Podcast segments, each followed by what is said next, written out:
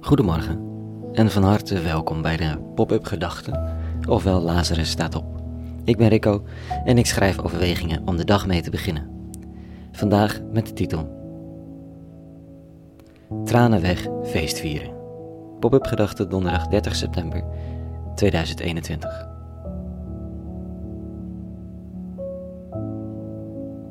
Emoties zijn feiten, daar mag je niet zomaar van zeggen dat ze niet oké zijn. Dat was een bijna heilige les die ik leerde van de behoorlijk briljante therapeut die les gaf op onze opleiding theologie. Tussen alle professoren met hoofdkennis had deze man kennis van de geest, de psyche en het lijf. En hij zei: emoties zijn feiten, constateer ze. Ga er vervolgens pas iets mee doen, maar wegdrukken, negeren, veroordelen, het helpt je niet verder. Sterker nog, het is contraproductief. En toch, leerde ik later, je kunt ook vastraken in je emotie, jezelf verliezen. En dat voelt hartstikke authentiek, want het zijn echte emoties. En toch sleuren ze je mee en dan heb je eigenlijk iemand nodig die je eruit sleept en een andere weg inslaat. Wanneer welke benadering van toepassing is, weet ik niet.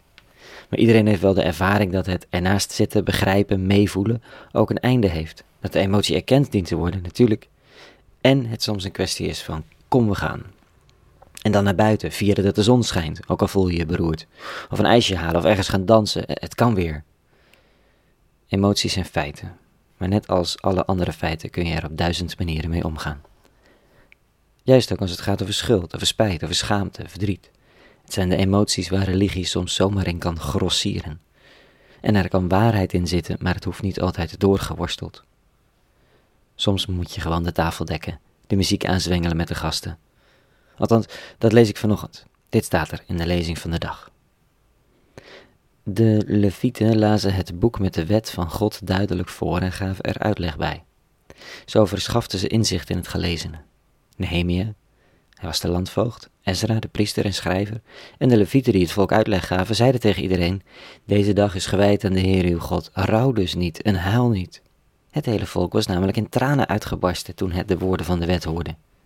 Esra zei tegen hen, maak een feestmaal klaar met lekker eten en drinken en deel ervan uit aan wie niets heeft, want deze dag is gewijd aan onze eeuwige. Toen ging iedereen eten en drinken.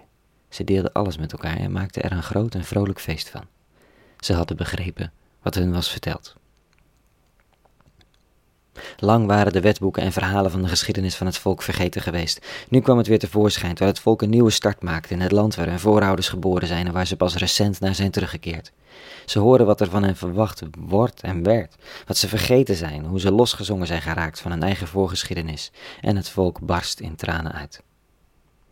Niks geen tranen, roepen Ezra en consorten. Feest vieren, we hebben onze roots gevonden, dit is een gewijde dag.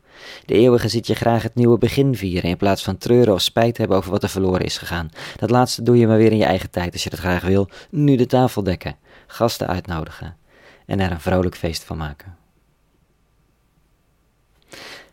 De indruk van religieuze stromingen is vaak de veel eisendheid ervan. Dat men binnen die traditie zoveel moet. En och, wat zijn westerse verlichte geesten, als zij die zich soms even zo voelen, zoals ik, blij dat ze bevrijd zijn uit dat benauwende harnas.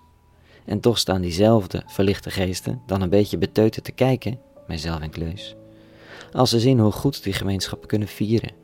Vaste tradities, heldere opdracht, opdrachten rond eten, delen en rust houden, uitnodigend. Natuurlijk kun je er cynisch over doen, maar de religieuze tradities hangen aan elkaar van vieren. Hoe je ook jezelf voelt op zo'n moment. En dat kan onwijs behulpzaam zijn. Ook dat zijn de feiten. Voor vandaag dus het doorbreken van de visieuze cirkel van zelfonderzoek door af en toe de gewijde opdracht van de eeuwige om het nieuwe begin te vieren. Ook al zit je zelf nog te treuren over dat wat er misschien verloren is.